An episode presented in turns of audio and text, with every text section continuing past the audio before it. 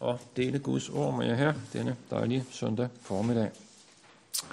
Og ja, vi skal være sammen om et alvorligt emne, kristen i modvind.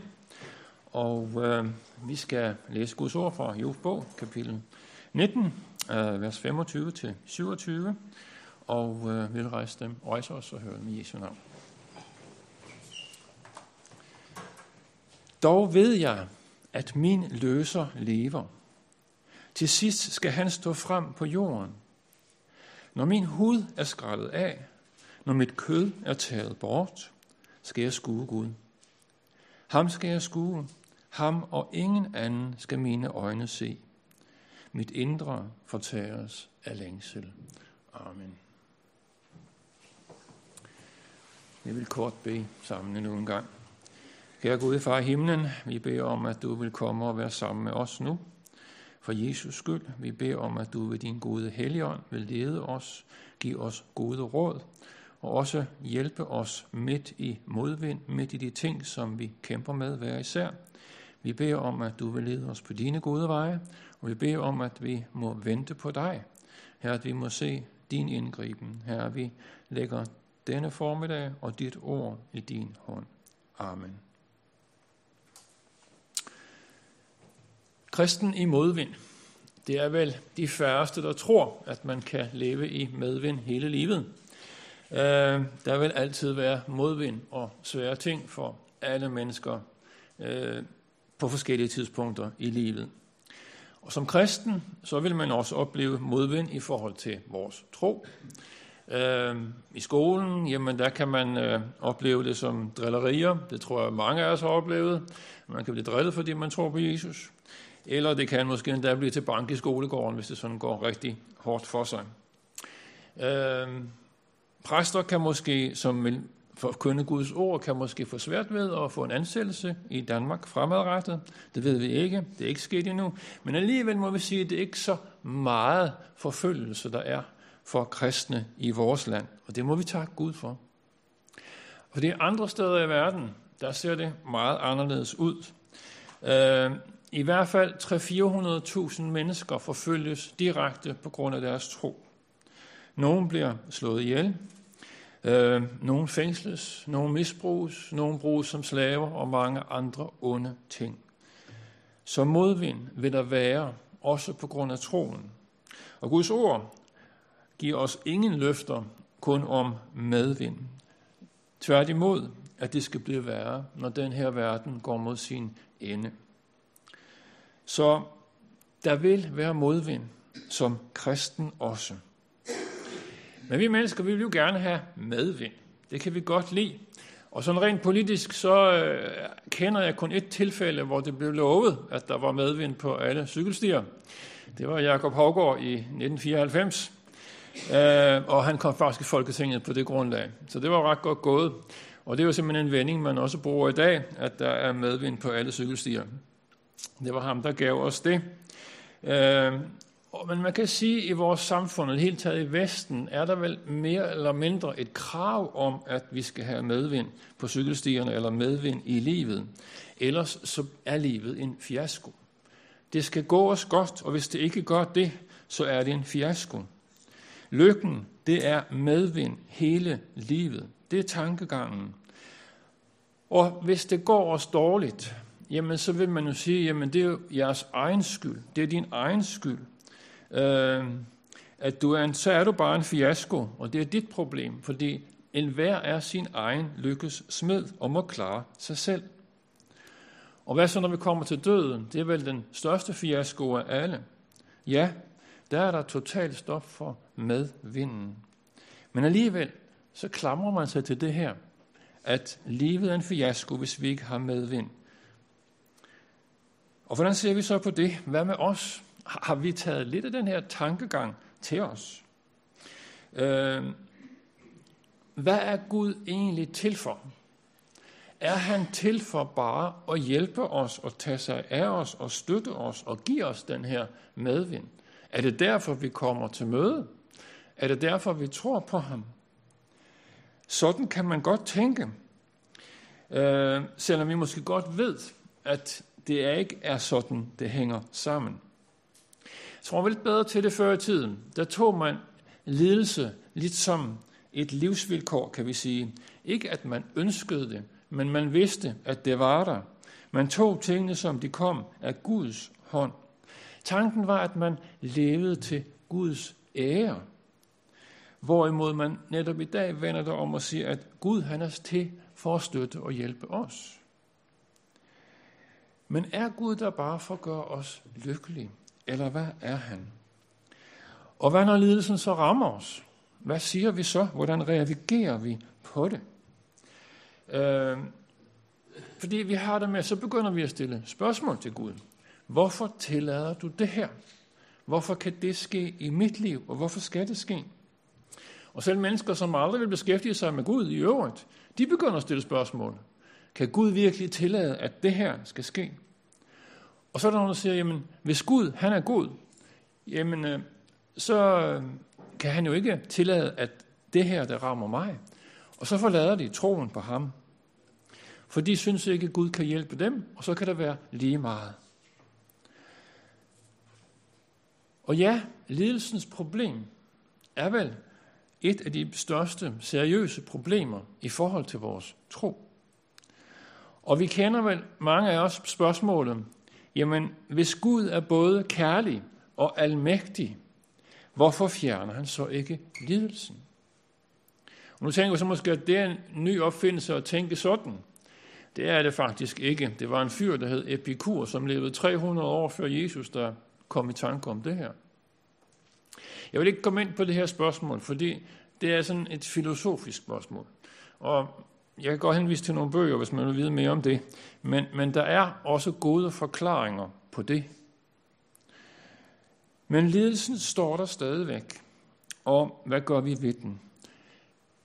Men sagen er også den, at der faktisk er mennesker, som finder Gud igennem lidelsen, ligesom der er nogen, der forlader ham.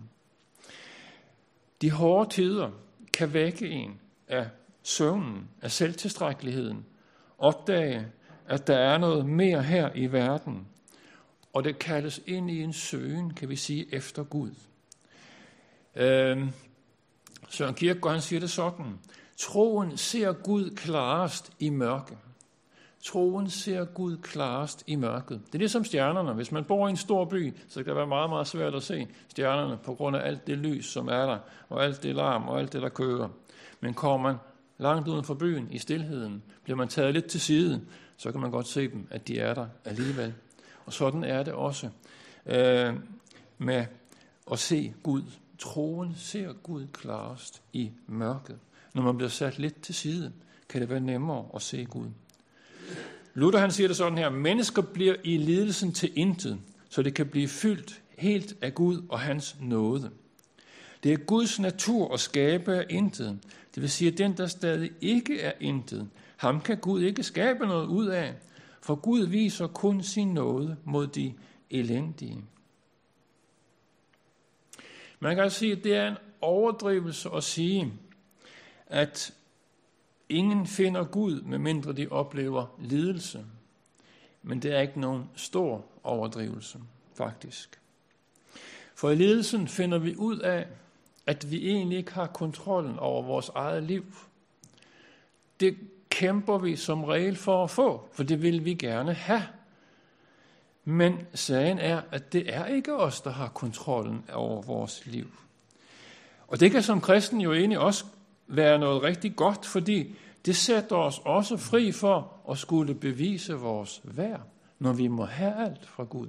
Så er det ikke mig, så får jeg det fra ham. Men vi bruger så meget krudt på at ville øh, klare os selv, have kontrollen i vores liv.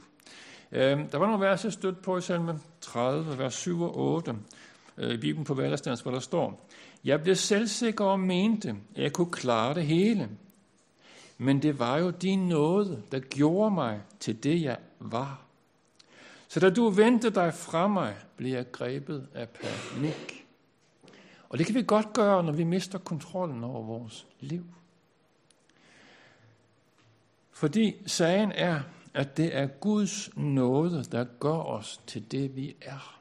Ikke det, vi selv gør eller tænker, vi kan gøre. Og i ledelsen kan mennesker få en dybere erfaring af Gud, hans væsen, hans kærlighed og noget. Og sandheden i kristendommen fås oftest gennem skuffelser, fiaskoer og tab. Hvilket netop står i skærende kontrast til det, som man vil sige i vores samfund i øvrigt. Men lidelsens problem står der stadig. Hvad gør vi ved det?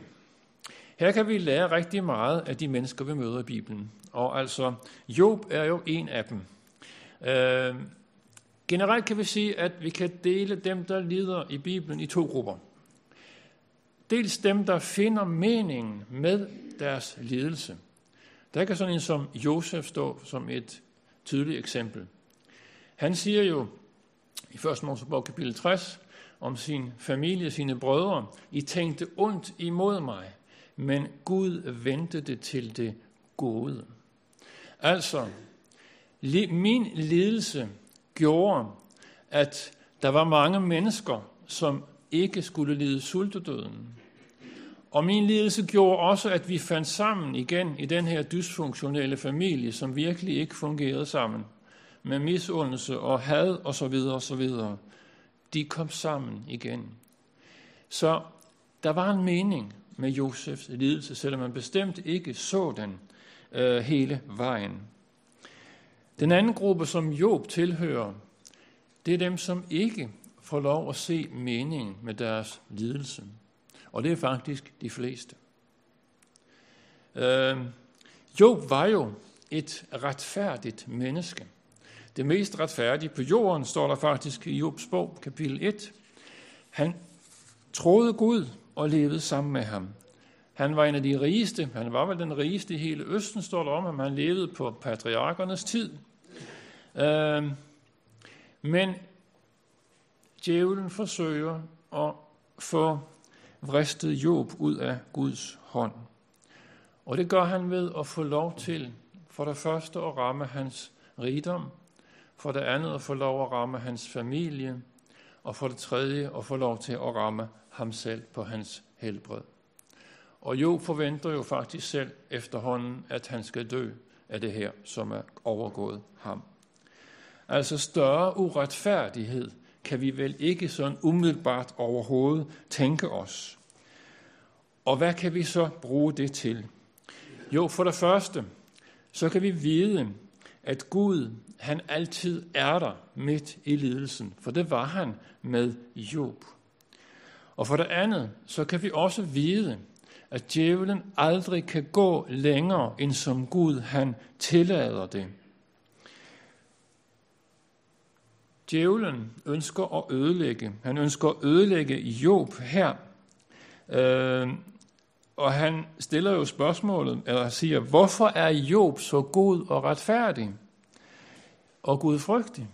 Jo, det har han kun af en grund. Det er, fordi han har medvind hele sit liv, og ikke har haft andet, og ikke kender andet. Derfor er han gudfrygtig. Men lad mig ramme ham, så skal I se, så forbander han Gud. Gud går med til det her. Men det vi skal vide, det er, at djævlen, som jo kun har et mål, slagte, ødelægge og slå ihjel, som der står i evangelierne. Og i øvrigt siger han noget helt andet. Han kan ikke gå længere, end Gud tillader det. Han er, som Luther siger det, Guds lænkehund. Han går ikke længere, end snoren tillader det. Men i Jobs tilfælde må man bare sige, at den er ufattelig lang, den snor. Men Gud er der, og det er helt sikkert også midt i lidelsen. Til at begynde med, så holder Job ud og holder fast i sin retfærdighed. Kapitel 1, vers 21 siger han de her kendte ord. Herren gav, Herrens tog, Herrens navn være lovet. Det var Jobs tanke midt i det her. De andre mente noget andet. Men Gud er Gud, om han tager, om han giver. Og som man siger til sin kone i næste omgang, 2.10, tager vi imod det gode fra Gud, må vi også tage imod det onde. Eller skal vi kun tage imod det behagelige fra Gud, og ikke det ubehagelige? Altså findes, kun Gud, findes Gud kun, hvis der er medvind på alle cykelstier? Findes kun Gud, hvis det går os godt? Nej, siger Job. Gud er der, også midt i modvinden.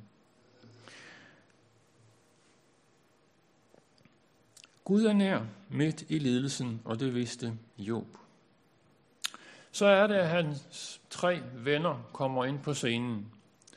Og i første omgang, så gør de noget rigtig godt. De sætter sig ned hos ham og tiger stille i syv dage. Det er ret længe. Jeg tror kun, det er mænd, der kan gøre det. Øh, kvinder er så bedre til noget andet, når det kommer til stykket. Det er der med at sætte sig ind i andre situationer. Øh, men, men det de gør, det er at tige stille. De begynder ikke at forklare Jobs lidelse, fordi det ved de jo ikke, hvad det skyldes. De tiger stille. Og det er rigtig godt at gøre, når man møder lidelser. Man skal møde op, ligesom Jobs venner de gjorde. Fordi den, som lider, har brug for nogen til at støtte sig.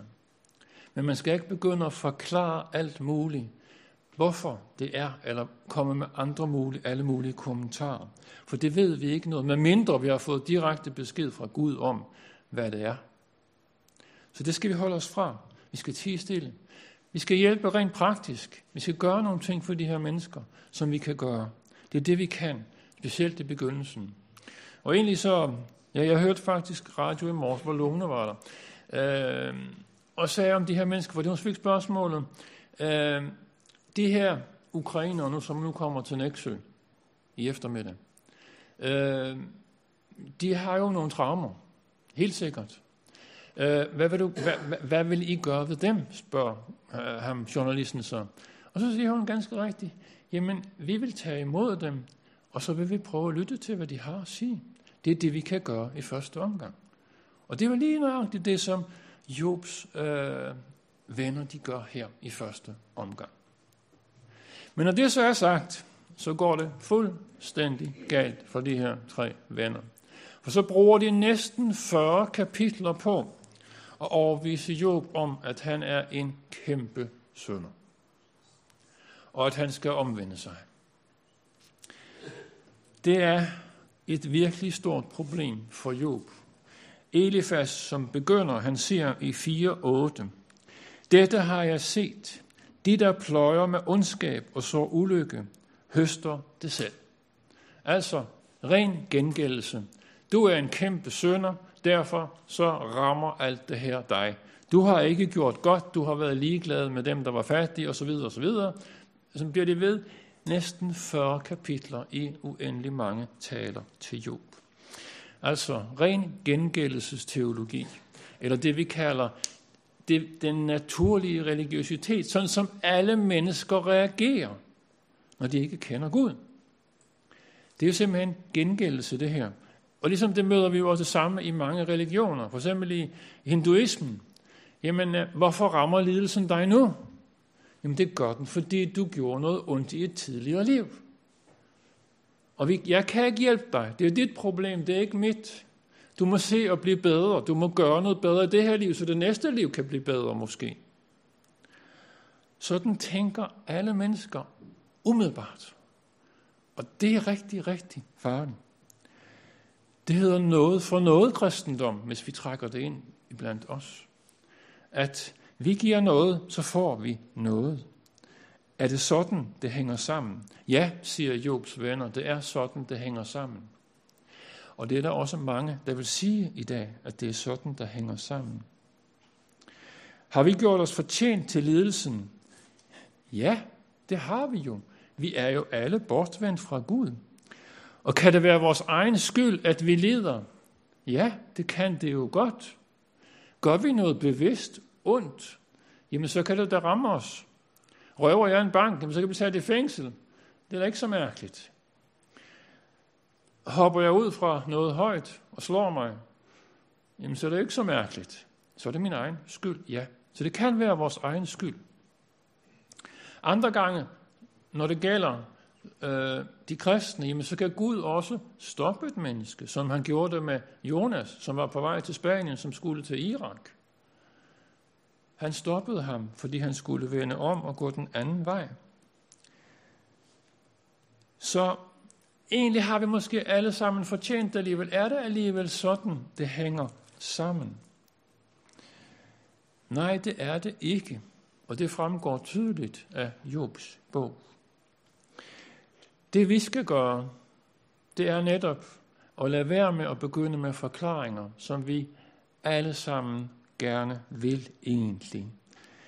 Vi skal lægge tingene over på Gud. Det var også det, der stod i den salme, som vi læste. Vent på Gud. Det er det, der er din opgave. Vent på, hvad han vil gøre i dit liv. Fordi vi lever ikke med nemesis, at, at det, du har gjort forkert, det rammer dig selv.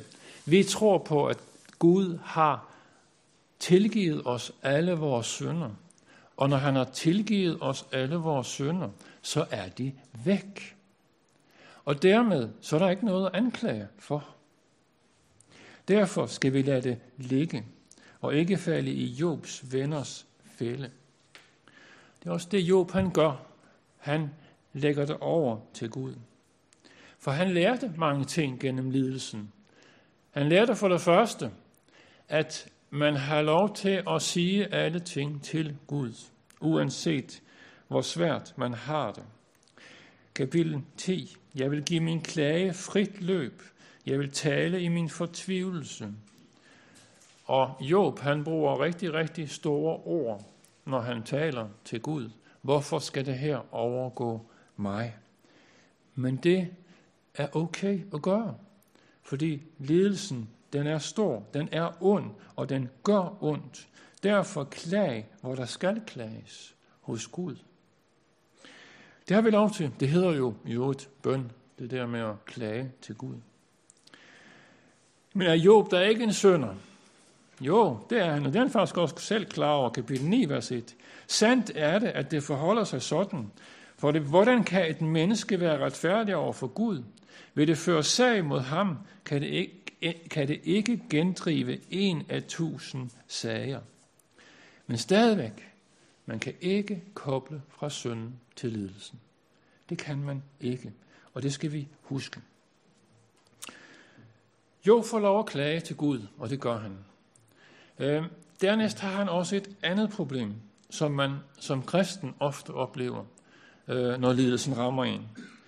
Øh, 10.3 hvad glæde har du af at undertrykke og forkaste det, dine hænder har frembragt, mens du lader lyset stråle over uretfærdiges planer? Altså, hvorfor netop mig som kristen? Hvorfor skal det ramme mig som kristen? Øhm, alle de andre, som er ligeglade med Gud, dem går det godt. De har det fint. Jeg forsøger dig i det mindste at tro på Herren. Jeg tager min tilflugt til ham og satser mit liv på ham. Men hvorfor så det her? Det er jo lidt det samme som Asaf. Nu har vi jo Salmons bog lige efter Jobs bog. Det er ikke så mærkeligt, fordi de her to bøger siger rigtig, rigtig begge to meget om lidelsen. Asaf, han kæmpede jo med det samme problem. Hvorfor går det de ugudelige så godt? Hvorfor har de medvind? Hvorfor øh, har de det sådan, mens jeg har det svært? Hans konklusion kommer et stykke derhen ad, indtil jeg kom ind til Guds helligdom og gav agt på deres endeligt. Sagen er, tingene, livet slutter en dag, og derefter er der en evighed. Det er det, han bliver opmærksom på, og hans konklusion er, om end min krop og mit hjerte forgår, er Gud for evigt mit hjertes klippe og min lod. Og at være Gud nær er min lykke, er min medvind. Uanset om lidelsen er der, så er Gud min medvind. Fordi hvor er den evige medvind? Den, som holder evigt. Jo, det gør den jo netop i evigheden, når man kender ham, som giver et evigt liv. Så Job, han må ligesom sarkastisk sige til, sige til sine venner, med jer uddør visdommen, og vil I ikke godt tige stille? For det er det, jeg har brug for. Giv mig fred. Det er det, jeg har brug for. I behøver ikke at sige mere. Alle jeres ord kan ikke bruges til noget som helst. De øger kun min lidelse. Må vi ikke blive sådanne venner. I stedet så siger han, jeg vil tale med Gud. Det er ham, jeg vil have i tale. Det er ham, jeg vil tale med. For han spørger, hvad får du ud og rammer mig, Gud? Jeg har som andre et kort liv. Uh, han siger i 14.3, nu er menneskets dage fastsat, og du har bestemt tallet på dets måneder og sat den grænse, der ikke kan overskrides. Vend så blikket fra det, og lad ham være, så han skal glæde sig som daglejeren over sin dag. Gud, jeg orker simpelthen ikke mere. Mit livsmod er brudt, siger han i 17.1. Og når vi kommer til kapitel 19, som vi jo læste fra, hvor længe vil I plage mig, knuse mig med jeres ord? Jeg har med Gud at gøre. Jeg vil ikke have med jer at gøre. Gud, kom. Jeg har brug for dig. Så kan man spørge, jamen hvad er så meningen med den her lidelse? Hvorfor skal det gå Job sådan her? Øhm, det er faktisk svært at give et godt svar på. Men skal vi tale om et mål, om noget, han kan få ud af det, så er det først og fremmest et rigere liv med Gud. Et rigere liv med Gud. Jobs kan vi sige, visdom bestod i, at han i sin enkelhed får lov at lære Gud bedre at kende. Ham, som giver ham alt. Få et dybere fællesskab med ham. Finde ind i den kærlighed, som Gud jo vil give til alle mennesker. For det er jo lidt ligesom et kærlighedsforhold på jorden. Øhm, hvis to unge forelsker sig, alt er godt, og de er glade for hinanden, de elsker hinanden. Øh, men hvis så pludselig den ene går for lidt, eller der sker et eller andet ulykkeligt, han bliver syg, eller noget, og så siger den anden, men så kan jeg ikke være sammen med dig mere. Så, så smutter jeg. Det er der rigtig mange, der rent faktisk gør. Så er jeg gået. Og hvorfor gør man det? Det gør man jo kun på grund af, at man så på alle de fordele, man fik ved at leve sammen med den anden. Altså det kan være godt udseende, en god uddannelse, gode forbindelser, alt muligt godt, som man kan opnå ved at forelske sig i den anden. Det er jo ikke det, der er målet med et ægteskab rent faktisk. Målet er jo et helt andet. Målet er, at man når dertil, hvor det er personen, det drejer sig om, og ikke alle de fordele, den person kan give. At man elsker den anden for det, vedkommende er. Ikke for, hvad det har eller kan gøre. Sådan er det også med kærligheden til Gud. At man får lov at se Gud, at han elsker os som dem vi er. Ikke for hvad vi gør, eller hvad vi kan, eller noget som helst andet. Alle fordelene hos Gud forsvandt for Job, må man bare sige. Der var ingen medvind tilbage overhovedet. Og hvad er Jobs ønske i den situation? Lad mig møde Gud, for det er ham, jeg har noget at tale med om. Og rent faktisk så møder han Gud. Gud taler direkte til Job sidst i bogen. Og der er der, får han sig nogle overraskelser. 3-4-5 stykker, kan vi sige. For det første, Gud han viser sig i en storm. Og alligevel så bliver Job ikke til intetgjort. Det kan man faktisk godt undre sig over. For Gud starter med at sige, hvem er det, der uforstandige? Hvem er det, der med uforstandige ord formørker det, jeg har bestemt? Og hvor var du, da jeg grundlagde jorden, siger han til Job. Og så fortsætter han. Men på trods af de her ord, så kommer Gud til Job med noget. Han åbenbarer sig for første gang i Jobs bog med ordene JHVH, som er den Gud, der kommer med noget. Ligesom ham, der kom til Moses ved tårnebusken en gang og gjorde Moses til leder. Han kom med noget. Og det gør han også her hos med, med Job. Job sættes på plads som menneske i forhold til sin skaber. Men skaberen vil møde Job med noget. Og det er noget det mest fantastiske. For det andet, så svarer Gud ikke på alle Jobs og vennernes spørgsmål. Vennerne havde forventet, at Gud skulle fordømme Job, og det havde Job ikke, men han havde forventet, at Gud ville give ham svar på alle de spørgsmål, han havde i forbindelse med sin lidelse. Men det får han bare ikke. I stedet så får han en lektion om verdens skabelse, dens opretholdelse, naturens vidunder osv. osv. Men hvorfor får Job så ikke den her forklaring? Den kan i hvert fald være, at så får han lov til at fortsætte med at vandre i tro. Ikke bare i skuen, som det hedder i det gamle testamente. At han får lov til at vandre i tro, uden at have set. Faktisk siger Jesus jo også til Thomas, særlig er den, som ikke har set, og dog tror. Han får lov i nemlig, i stedet for og forstå det hele, få det sat på plads, aha, det er sådan, alting hænger sammen, så ser han i stedet noget andet. Han ser nemlig Gud. Og når han ser Gud, hvad siger han så 42.5? Jeg havde hørt rygter om dig, men nu har jeg set dig med egne øjne. Derfor kalder jeg alt tilbage og angrer i støv og aske.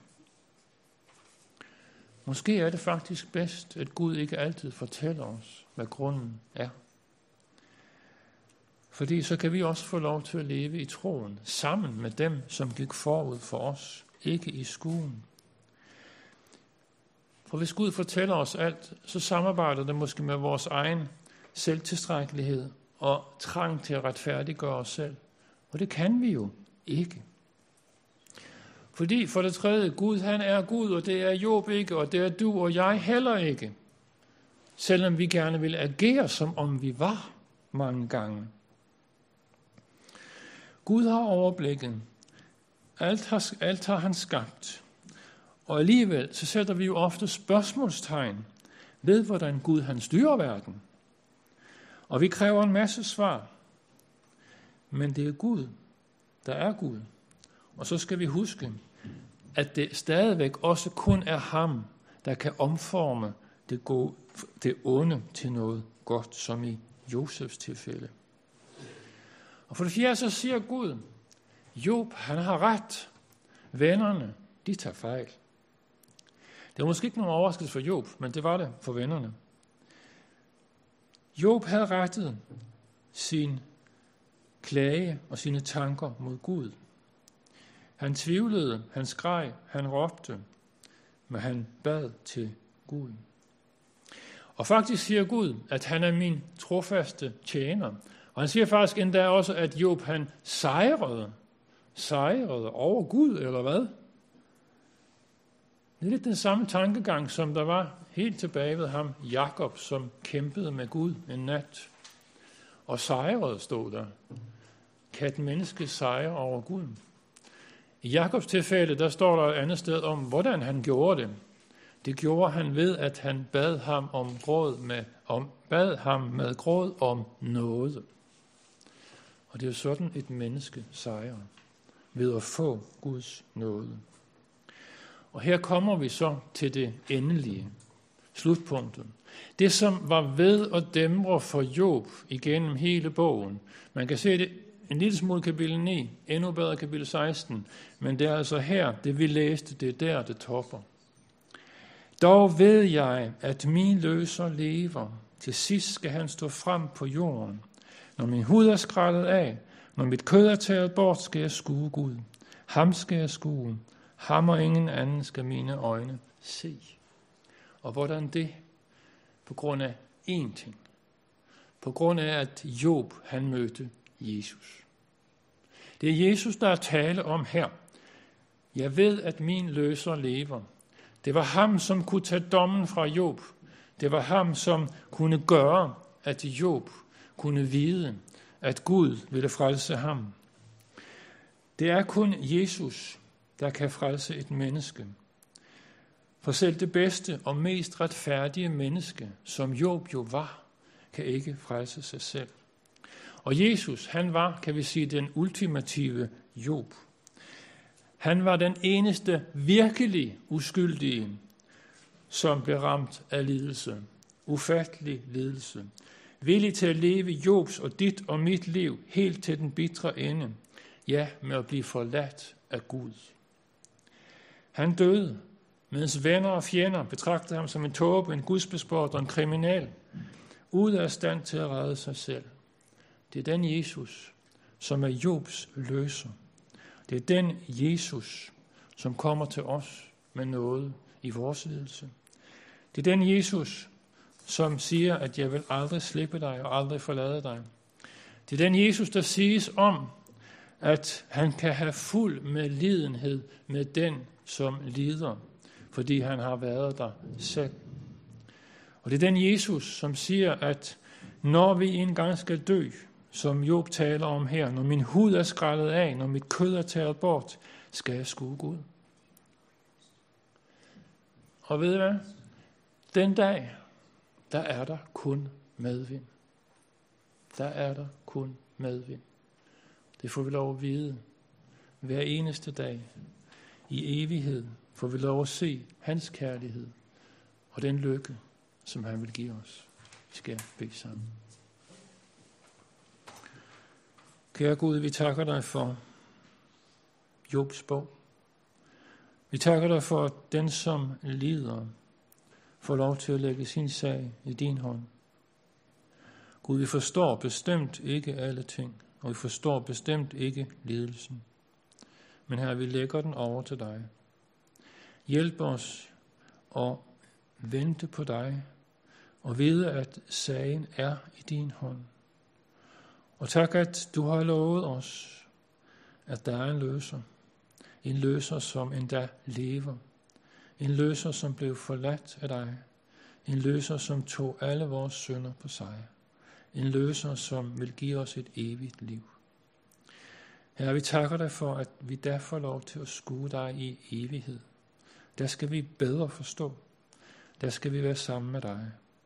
Tak Gud, at du ikke her i livet vil, vil forlade os, men vil gå med os hele vejen. Og til sidst føre os hjem til dig. Vi beder om, at vi må få lov at se frem mod det, også midt i de svære ting. At hos dig er der i evighed medvind. Så takker vi os for den dag, som du gav os. Takker dig for din nåde og for din godhed. Og beder fortsat, om du vil sige alt dit ord, der forkyndes ud over jorden denne dag. I Jesu navn. Amen.